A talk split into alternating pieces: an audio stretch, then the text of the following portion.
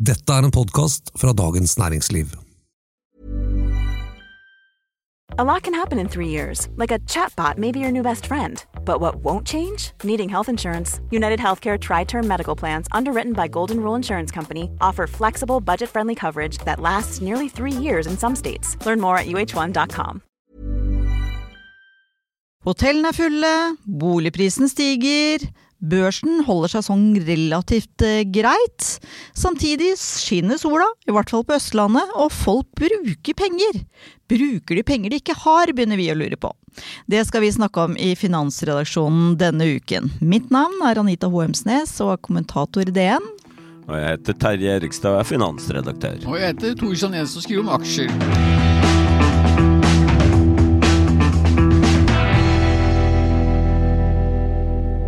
Jeg tror at dette er et tema som mange snakker om akkurat nå. Og mange lurer på at liksom Hvor Skal de på ferie dit i tre uker? Hvordan har de råd til det, da? Vi har jo 10 000 kroner ekstra i renteutgifter hver måned. Og den type diskusjoner. Bare sånn hearsay og sogerforskning, dette altså. Men jeg tenker nok at uh, mange kjenner igjen det. Og det er jo litt pussig. Vi har en, hatt en veldig høy inflasjon. Renten har uh, doblet seg. Og det, det, skal egentlig være sånn at nå burde folk sitte inne og, og, og, være veldig forsiktige med pengene sine. Men sånn er det jo ikke. Eller er det det, Terje? Ja, altså det vi kan observere, da. Eh, sånn, hvis man tar liksom en sånn helsesjekk på norske husholdninger og konsumenter, så er jo den aller viktigste indikatoren er jo kjempebra. Nemlig antallet som er i jobb. Altså det siste registrerte arbeidsledigheten var 1,7% Og det er jo superlavt. Altså bare tenk gjennom pandemien, så ble det skapt eh, rundt eh, Hvis man sammenligner 2019 mot 2022, sånn 155 000 nye jobber ca. Og veldig mange av dem gikk til unge mennesker.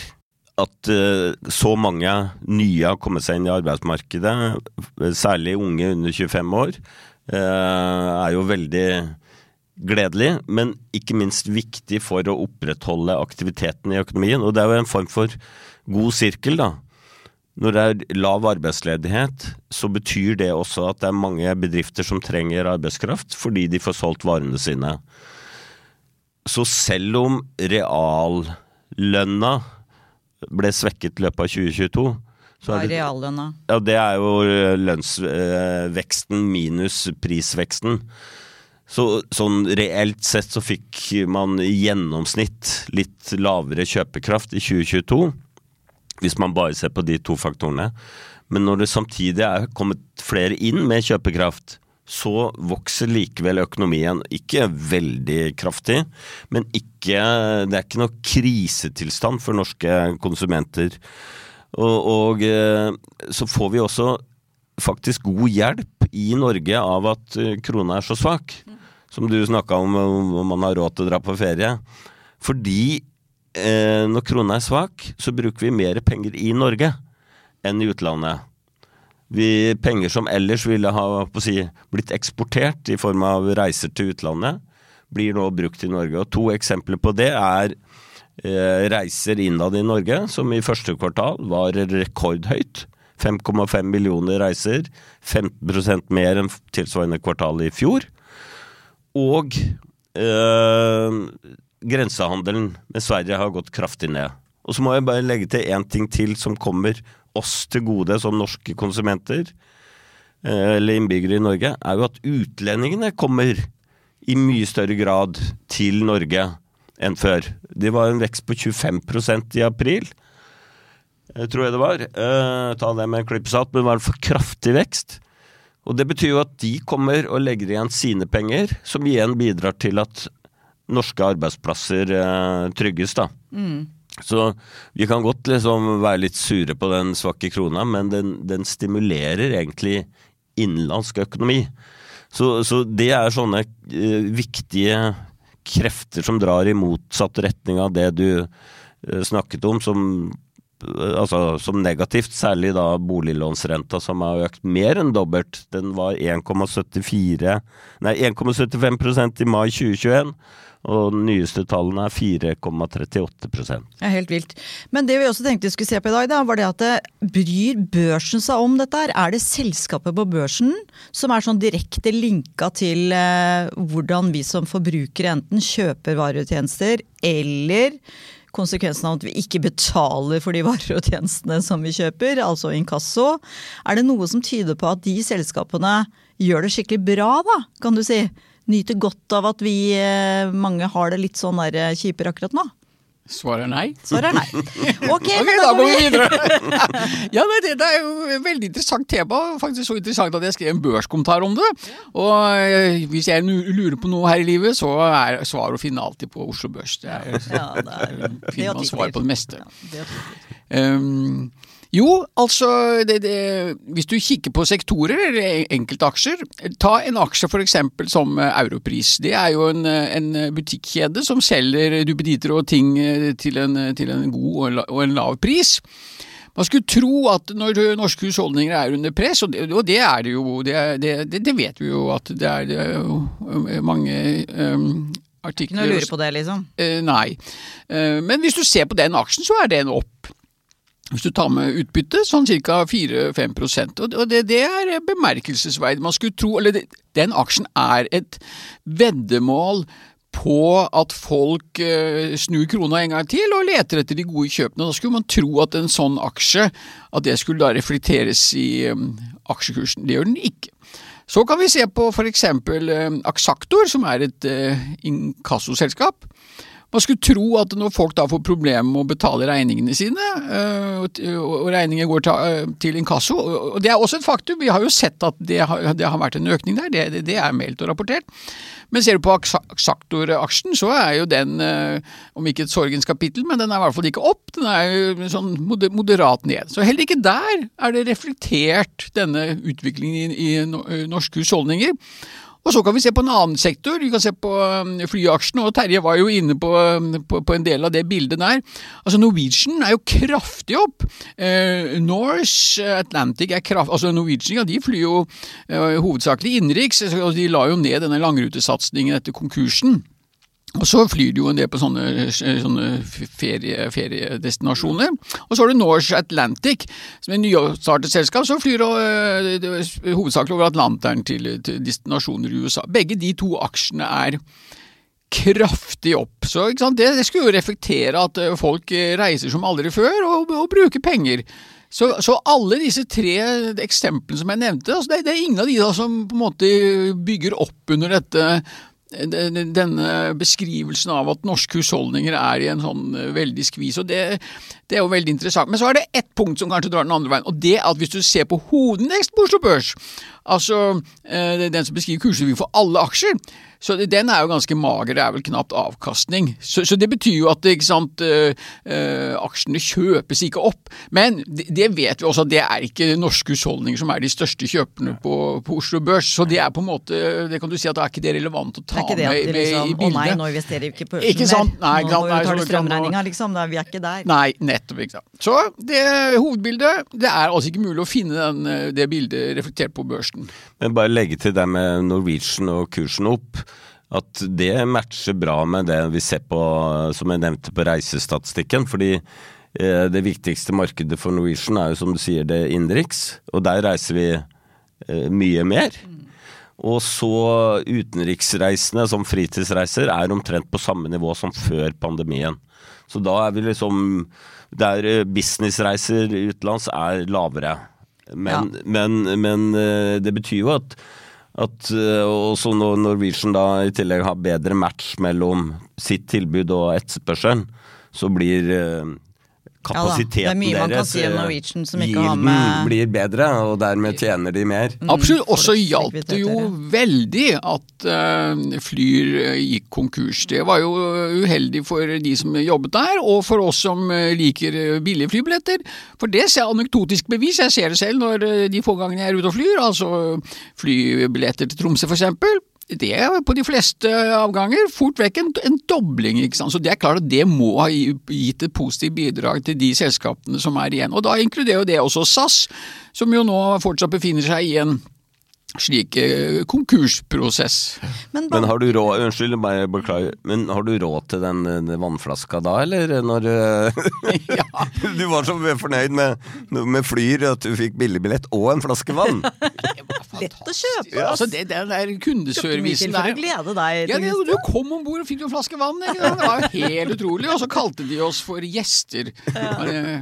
Så, så føltes det også når du så lite så, så, gode priser det var da. Ja. Gjester skal ikke betale. Nei. Men jeg tenkte på en annen ting. Altså de bankene. Altså bankene burde jo også være noe som virkelig tjener penger nå, ikke sant. Eller de, vi veit jo at de tjener penger. De har jo lagt fram kvartalsresultater som er veldig gode, for å si det forsiktig. Men uh, de får ikke uttelling på, Oslo Børs av den grunn? Nei, det er også interessant. Sånn, sånn aksjer som DNB for eksempel, har vel knapt ja, noe avkastning, men altså ikke noe, ikke noe det er bra sånn direkteavkastning, men ikke noe kursoppgang. Ikke sant, nettopp. Men, fordi de gir jo utbytter. Men så er det klart, ikke sant eh, Det er jo rente, rentemargin, altså rentenettoen.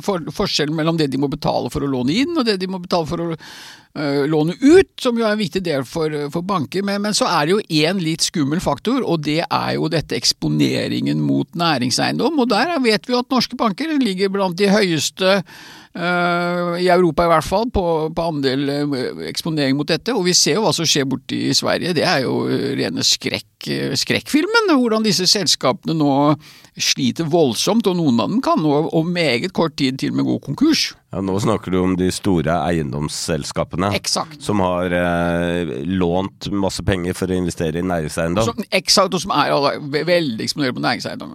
Men jeg, jeg tenker at hvis du ser på personkundesiden i bankene, så er det jo bare gull og grønne skoger for bankene. Det er jo ikke tap.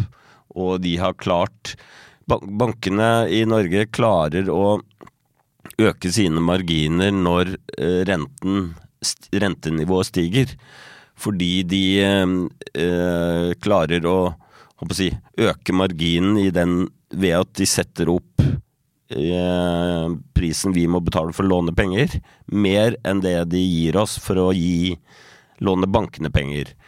Eh, og så, så, forandrer dette seg litt over tid, eh, sånn at det, det er, marginene på inn- og utlån er ikke statiske.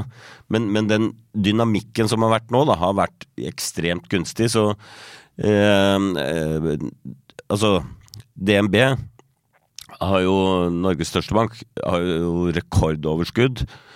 Og den prises altså nesten høyest av alle store banker i Europa.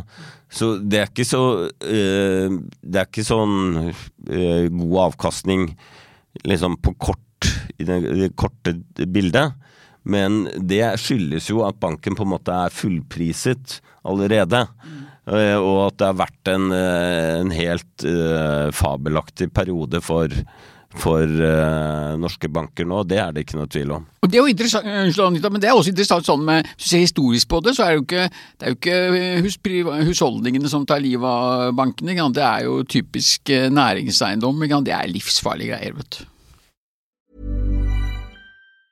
It's that time of the year. Your vacation is coming up. You can already hear the beach waves, feel the warm breeze, relax and think about work. You really, really want it all to work out while you're away.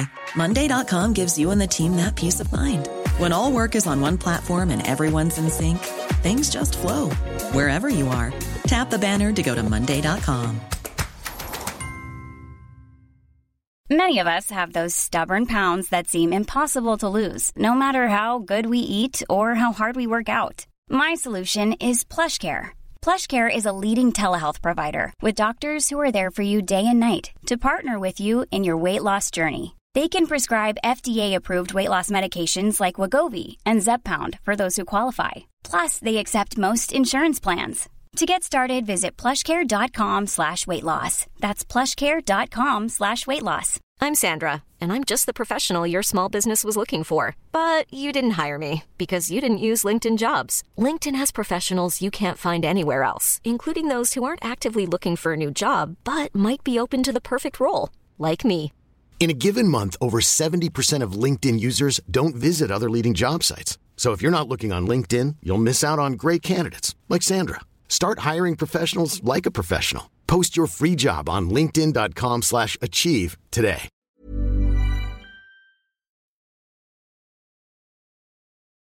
Men også er det et annet eh, område som jeg nevnte innledningsvis, nemlig boligmarkedet. Som gir, i rekken av alle de gangene vi sier at eh, de som er eksperter tar feil i prognoser, så kan vi vel eh, jaggu meg klokken en rein tier på hvor mange som har tatt feil på hvordan boligprisene skulle utvikle seg i 2023. For det har vært eh, spådd at dette kommer ikke til å gå bra. ikke sant? Og det er jo helt logisk. altså Med den renteøkningen og den veldig veldig raske renteøkningen som har vært, så skulle man tro at folk bare liksom heiv seg på gjerdet og satt der og liksom tenkte at nei, dette markedet skal ikke ut i. Sånn er det ikke. Nå har eh, boligprisen i gjennomsnitt i Norge steget med 7,7% så langt i år. I Kristiansand Stavanger 12% Nå kom det fra et lavere nivå og sånt nå. Og Oslo 7,3% som er allerede et veldig høyt pris av marked. Eh, så skal det sies at det er nok ikke like gjevt i Distrikts-Norge. Altså det er nok eh, veldig mange boligmarkeder i Norge som ikke går bra også. Så det er ikke sånn at det er full jubel. Men, men den der rene logikken om at når rentene øker, så skal boligprisene falle, eksisterer ikke. Den eh, så ut til å eksistere i løpet av eh, fjoråret. Høsten, ja. Det har du rett i. Den, ikke sant Du har jo nettopp skrevet en veldig god kommentar om all time high, som man sier på godt norsk, i boligmarkedet igjen. For nå er nivået, indeksen da, til Eiendom Norge, er oppe på samme nivå, eller over, som det var i august i fjor.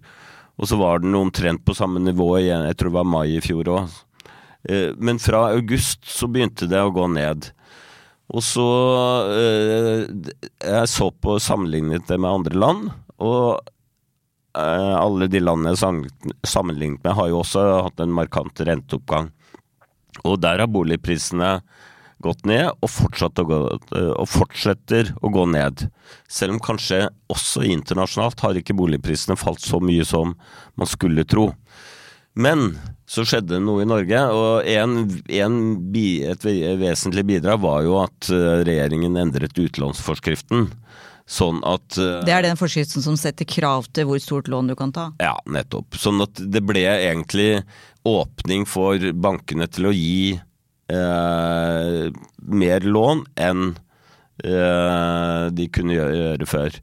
Og det bidro, noe, bidro nok til en, en form for eh, dynamikk. Som igjen da åpenbart bare har forsterket seg. Eh, og, og jeg kjenner ikke til noen beregninger som kan på en måte eh, fortelle hvor mye av effekten jeg ser nå er det endringen av forskriften. Eh, Hvor mye er andre, skyldes andre ting. Men da må jeg nesten bare liksom gå tilbake til den eh, det jeg begynte med, at når folk flest har jobb, og at selv om inflasjonen har vært noe høyere, så, så har folk en del å gå på sånn generelt. Og da, da, så lenge det ikke bygges noe særlig nye boliger, så er det liksom en mekanisme der om at da, da presses prisene opp på det som eksisterer. Ja, og det er jo poenget at det er jo altså realrenten er, jo eh, negativ. Så altså selv om rentene stiger, så stiger jo prisene eh, enda mer. Så, og det er klart, hvis du da sitter og, og vurderer at du har et tonn med, tonn med gjeld, og det, det er jo den fine tingen med, med, med inflasjon, at det, det spiser jo opp verdien av den eh, gjelden. Og så vi- var Bård som nevnte det i en av våre forrige episoder her nå, at Ok, er, man kan si at renten har steget mye, men eh, sånn sett nå så er jo Norge nesten som lavrenteland å regne med i forhold til eh, mange andre land, deriblant eh, USA. Det tenker jeg på som sånn der, når vi pratet om det litt sist og, og før poden også. Så, ikke sant? Altså makro så har vi negativ realrente, ikke sant. At renten da, eller uh, inflasjonen på en måte er såpass høy at den spiser opp effekten av renten. Ja. Og gjelden spises opp av inflasjonen, og rentefradraget, ligningsattesten, eller selv, hva heter det for noe nå? Skattemeldingen heter det. Liksom øker. Så det, men dette er jo på makronivå. Altså lommeboka di hver måned. Tenker jo ikke akkurat på Nei da. Eh, og så kan du eh, Du kan si at eh, man har en eh, en eh, hva skal vi si, kontantstrømseffekt når renten øker. Altså man må ut med mer penger normalt. Men det er ikke sikkert alle må det. Fordi hvis man har en sånn type annuitetslån i en bank, hvor man eh, betaler en fast sum i måneden, og noe er avdrag og noe er renter, og så øker renten, så kan man, hvis man har mulighet for å forlenge løpetiden på lånet, så kan man da forlenge løpetiden på lånet, sånn at avdragselementet går ned og renteelementet går opp, men kontantstrømmen, eller summen du betaler. betaler, kan være den samme. Ja, du har fått en høyere rentebelastning, og totalen over løpetiden til lånet blir høyere, men du merker ikke det umiddelbart på lommeboka di. Så- Og det, hvor, hvor sterk en sånn mekanisme er, det, det vet jeg ikke, men den, den, den uh, Annuitetslån er jo det normale Ja. i Jeg tror én av fire eller 25 omtrent har rammelån eller det er noe rundt der, og det er det jo litt uh, annerledes. Og der kan man jo også, hvis man har rammelån, justere hvor mye Man har fleksibilitet da, til å egentlig ikke la renteoppgangen slå direkte inn i hvor mye man har disponibelt hver måned. da. Men eh, så, så det var det. Men en annen ting, altså apropos det med mm, at mange har eh, jobb, som er selvfølgelig grunnlaget og grunnmuren i din egen økonomi og alt det der. I tillegg så har vi da jaggu meg vært gjennom et lønnsoppgjør Ja. nå. Og eh, det foregår vel også noen sånne lokale oppgjør rundt Mm. omkring, tenker jeg, hvor det skal hentes ut penger der hvor det er noen penger å hente. Og da vil jeg også si at vi har jo fått eh, Du har sett litt på det, Terje, at eh, lønnsveksten eh, var ikke så gæren. Nei, det er jo for så vidt historiske tall, så fremover så vet vi jo ikke helt. Men, men de tallene jeg har sett på, eller det er jo Statistisk sentralbyrå som har publisert en analyse av dette, som jeg har skrevet en kommentar om, som eh, kan leses på dn.no etter hvert. Eh, det, det den analysen ser på, er eh, gjennomsnittslønnen fra år til år. Den består egentlig av to elementer. Det er hvor mye lønnen har økt i hver enkelt jobb, men også hvordan, eh, hvilke jobber som inkluderes i dette gjennomsnittet. Og så viser det seg at i arbeidsmarkedet så er det veldig stor eh, utskifting av jobber fra år til år. Så hvis man tar bort de jobbene som på en måte ikke var der to påfølgende år, og bare ser på de sånn som oss, som har hatt den samme jobben i veldig mange år. Vi er et veldig godt lenge. eksempel! Men, men alle, for alle, hvis man bare ser på de som hadde liksom identiske jobber to påfølgende år, da, så viser det seg at lønnsveksten for den gruppen, som tross alt er den største, er, har vært betydelig høyere enn hvis man inkluderer de jobbene som kommer i og, og går. Og da, da, da blir egentlig bildet av lønnsveksten betydelig bedre. Da har vi hatt reallønnsvekst de siste seks årene, og ikke nullvekst som de offisielle tallene viser. Og det kan også være med på å på en måte forklare litt hvorfor liksom økonomien er sterkere enn en man skulle tro ut fra bare se på reallønnsveksten.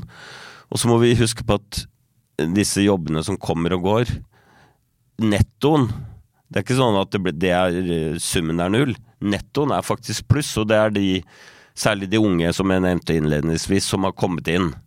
Eh, og det er typisk det i et sånt stigende arbeidsmarked, så kommer det inn eh, nye jobber, og de eh, som starter i de nye jobbene, de har gjerne lavere lønn enn de som har vært i Ikke sant, så de trekker ned gjennomsnittet. Ja, fordi de er unge, og de har lavere utdannelse, og de er nettopp startet, og da har man jo normalt lavere lønn enn Ja om man har vært der i noen år. Typisk Det, det klassiske eksempelet er lærlinger i eh, bygg og anlegg, hvor sant, de går på lærlinglønn de første årene, og så kommer de inn for fast jobb.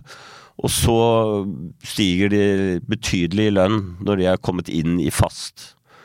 Så, da, sånn at når vi klarer å rekruttere, og det er veldig positivt, når vi klarer å rekruttere flere inn i arbeidsmarkedet, så trekker det faktisk ned gjennomsnittslønnsveksten. Men det selv om du som har jobb øh, vil øh, få en helt Det er ikke deg det gjelder, liksom? Nettopp, Nei, det kan vi være glad for. Ja ja, det er jo sånn superpositivt, eh, egentlig. Ja.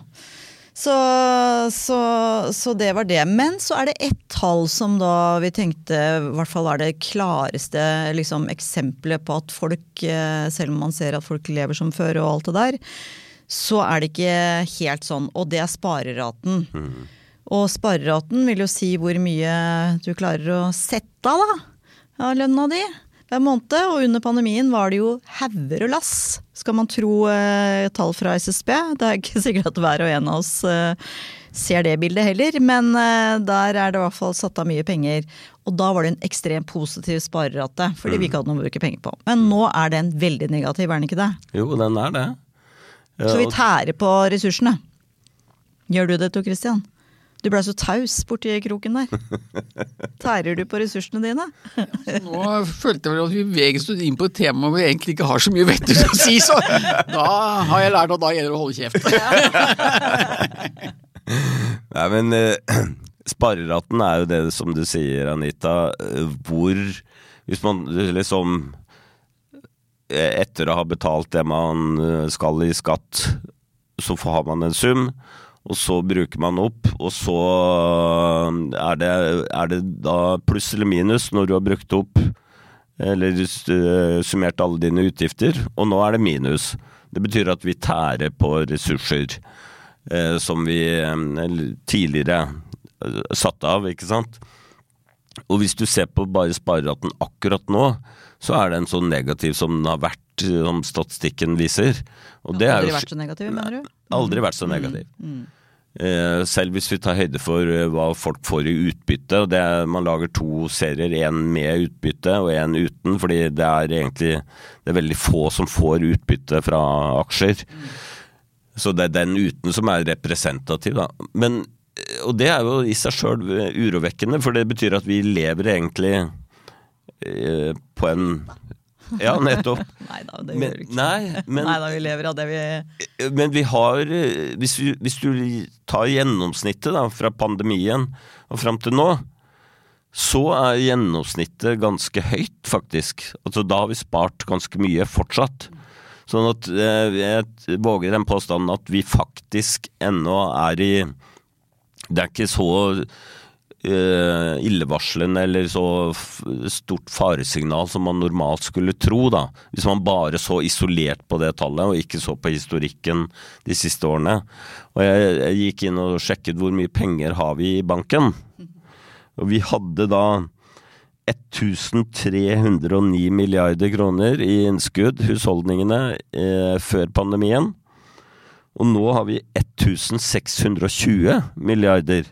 Så vi har altså 300 milliarder mer i banken nå enn det vi hadde da vi gikk inn i pandemien. Og noe av dette er jo Altså, økonomien har vokst.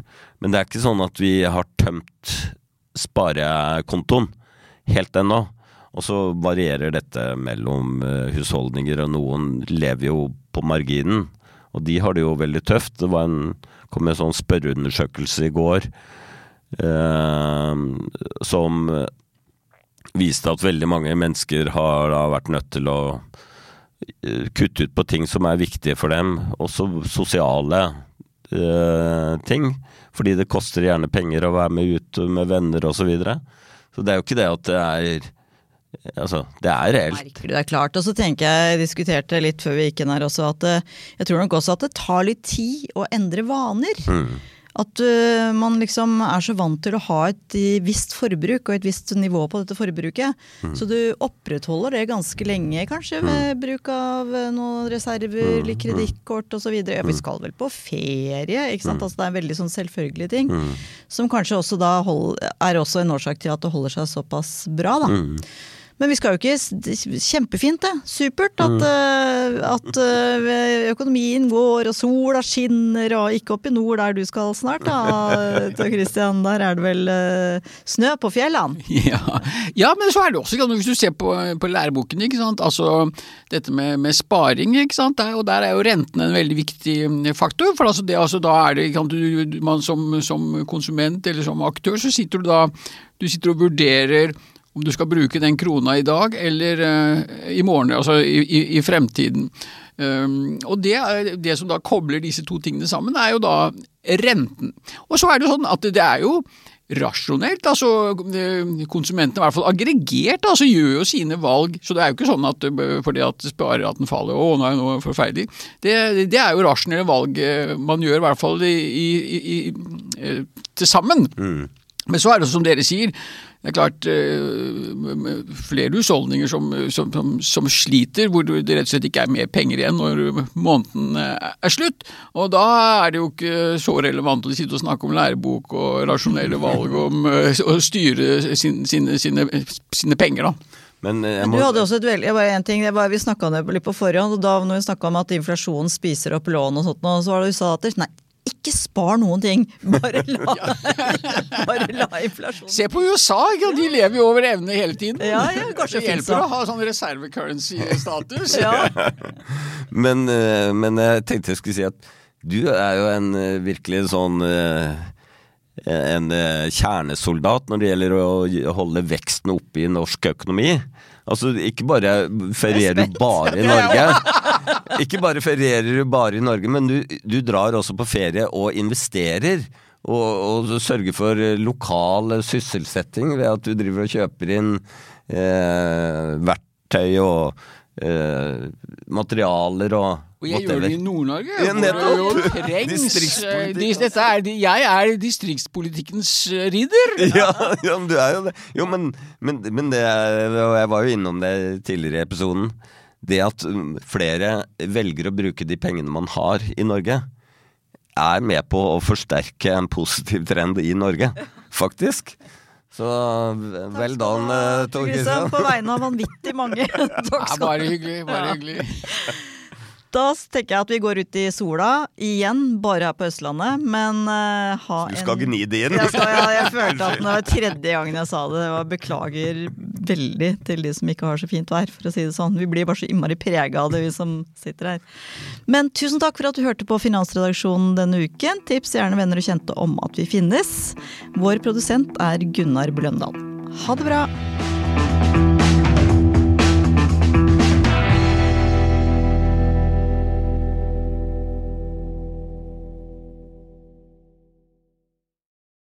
Du har nå hørt en podkast fra Dagens Næringsliv.